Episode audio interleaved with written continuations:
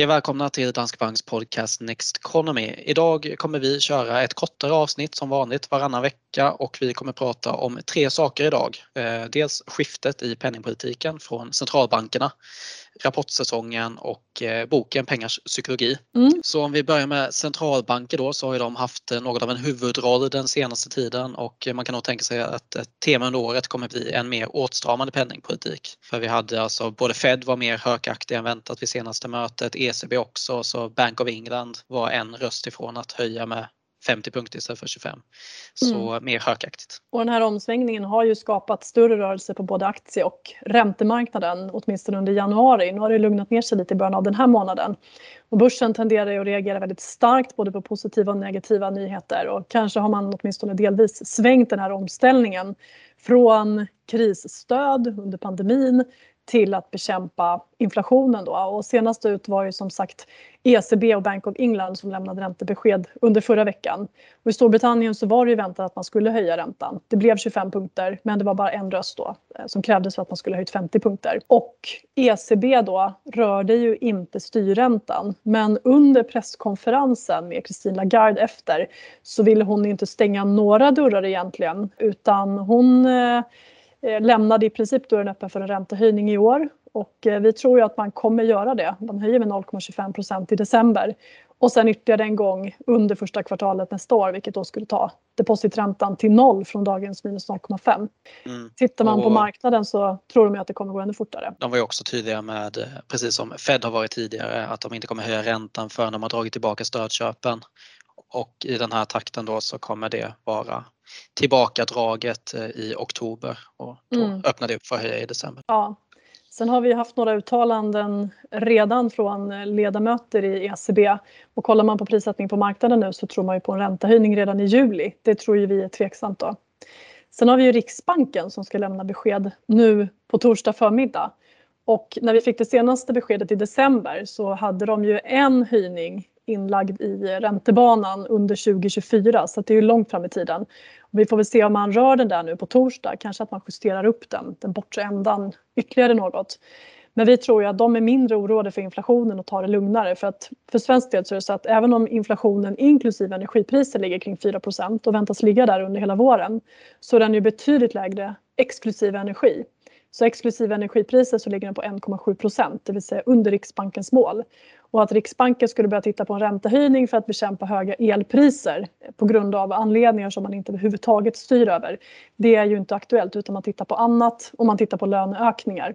Och där får vi se avtalsrörelsen i vår, hur det ser ut och vilken möjlig kompensation arbetstagarna kräver. Om någon då, för bilden är ju ändå att den här ska falla tillbaka.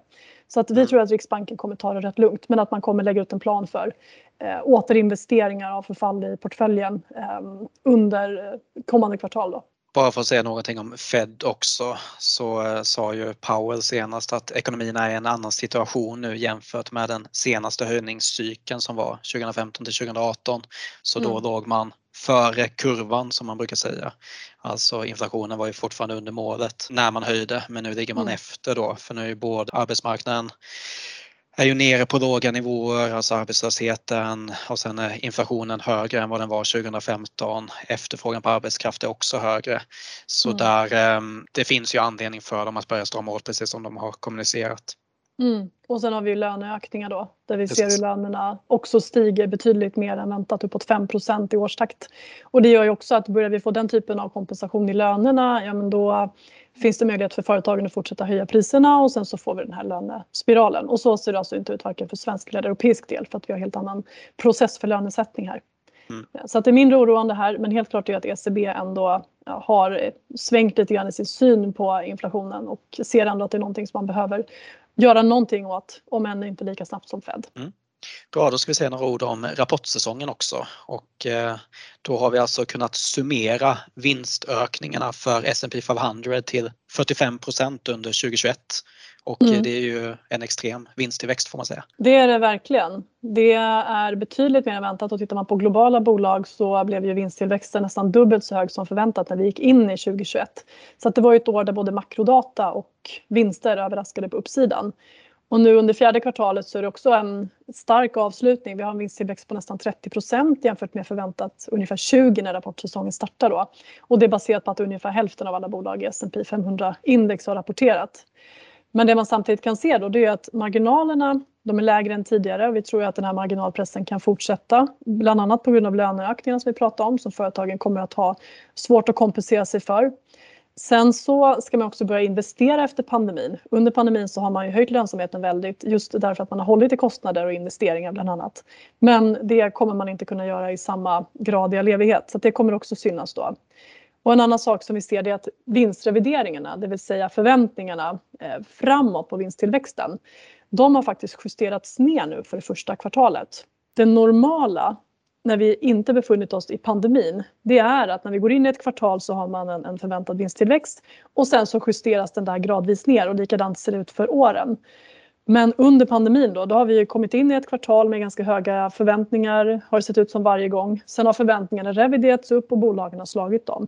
Men även här ser vi alltså en normalisering av eh, förväntningar, av vinsttillväxt och av penningpolitik. Så att återigen, mycket av temat det här året kommer handla om en normalisering av såväl ekonomin eh, som eh, hur det ser ut för företagen. Och det kommer också innebära att vi får lite mindre eh, medvind och lyftkraft för börsen när vi inte längre har de här extremt positiva överraskningsfaktorerna som driver på marknaden uppåt. Ja exakt, för då hade vi förra året hade vi både bidraget från bolagen då i form av den här starka vinsttillväxten och sen hade vi också bidraget från centralbankerna och den expansiva penningpolitiken. Och har vi inte något av det längre så det blir ju tuffare. Det blir det. Vi har en lägre förväntad avkastning på börsen i år till följd av detta. Och sen också tror vi att det kommer kunna vara större kursrörelser till och från. Och särskilt i perioder där det rör sig mycket på räntemarknaden. För det tenderar att slå över på aktiemarknaden också. Mm. Och det tar oss faktiskt bra in på nästa del av det här. Och det är ju då eh, boken Pengars psykologi. Jag skrev en Twitter-tråd om den i helgen som blev populär. Och eh, jag tänkte bara ta upp två saker därifrån. Och eh, det ena är ju att han skriver bra om just volatilitet på marknaden. För precis som allt annat som är värt något så har investeringar ett pris och eh, volatilitet på aktiemarknaden är priset man betalar för att få avkastning över tid som är högre än för mindre riskfyllda tillgångsslag eller för ett sparkonto. Och här betalar vi alltså inte i kronor och ören, vi betalar i ångest och tvivel kring vår strategi. Det var nog många som kände det i januari. Och är man inte villig att betala det priset så kan man inte förvänta sig någon vidare avkastning över tid heller. Och det man ska komma ihåg här är alltså att nedgångar är normala och det gäller att lära sig hantera det eller då att minska risken i portföljen. För det högsta priset av alla, det är att sälja på botten. Det är svindyrt och det är värt att komma ihåg när börsen skakar. Så volatilitet, det ska man inte fly ifrån utan det är en del av att investera. Och sen har vi då en annan sak bara och det är ju, han skriver bra om beslut och utfall också. För ofta ser vi bara utfallet och vi ser inte beslutet som ligger bakom utfallet. Så därför blir det svårt att bedöma om beslutet var bra eller dåligt. Och som exempel här skriver han att på första sidan av Forbes Magazine kommer det inte finnas investerare som fattade bra beslut men hade otur med utfallet. Däremot så kommer det finnas förmögna investerare som fattade dåliga riskfyllda beslut och hade tur med utfallet. Och så skriver han också att allt som är värt att sträva efter har mindre än 100% chans att sluta bra och risk är det som uppenbarar sig när du hamnar på fel sida av den ekvationen. Så ett aktieköp då som gick dåligt kanske var ett eh, dåligt beslut, så kan det ha varit. Men det kan också ha varit ett bra beslut som hade 80% chans att sluta bra och 20% risk att inte göra det. Och då var det fortfarande ett bra beslut. Eh, så fokusera på att studera beslutsprocesser istället för utfall är ju det man ska ta med sig från det. Mm. Eh, så två saker som eh, kan vara bra att eh, ta med sig från boken Pengars psykologi. Volatilitet är något som är vanligt förekommande på aktiemarknaden och det är någonting man ska vänja sig vid. Det är alltså priset man betalar och just det här att fokusera inte för mycket på utfallet. Mm. Och det är ju en viktig påminnelse tror jag också med tanke på den långa börsuppgången som vi haft där man har lite grann vant sig vid hur det är när börsen stadigt tickar uppåt och det hela tiden kommer nya saker som gör att aktiekurserna drivs på. Men eh, så ser det inte alltid ut och det får man helt enkelt omfamna och se det hela långsiktigt. Mm, bra, då tänker jag nästan att vi ska avrunda för idag. Vi eh, kommer ju som vanligt ut med ett nytt avsnitt varje vecka numera så eh, kom gärna med förslag på ämnen som ni vill att vi tar upp. Det kan ni skriva i frågeformuläret i avsnittsbeskrivningen eller ge oss förslag på Twitter.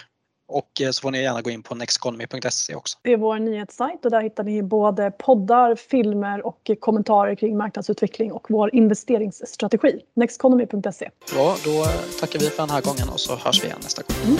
Tack och ha en fin vecka.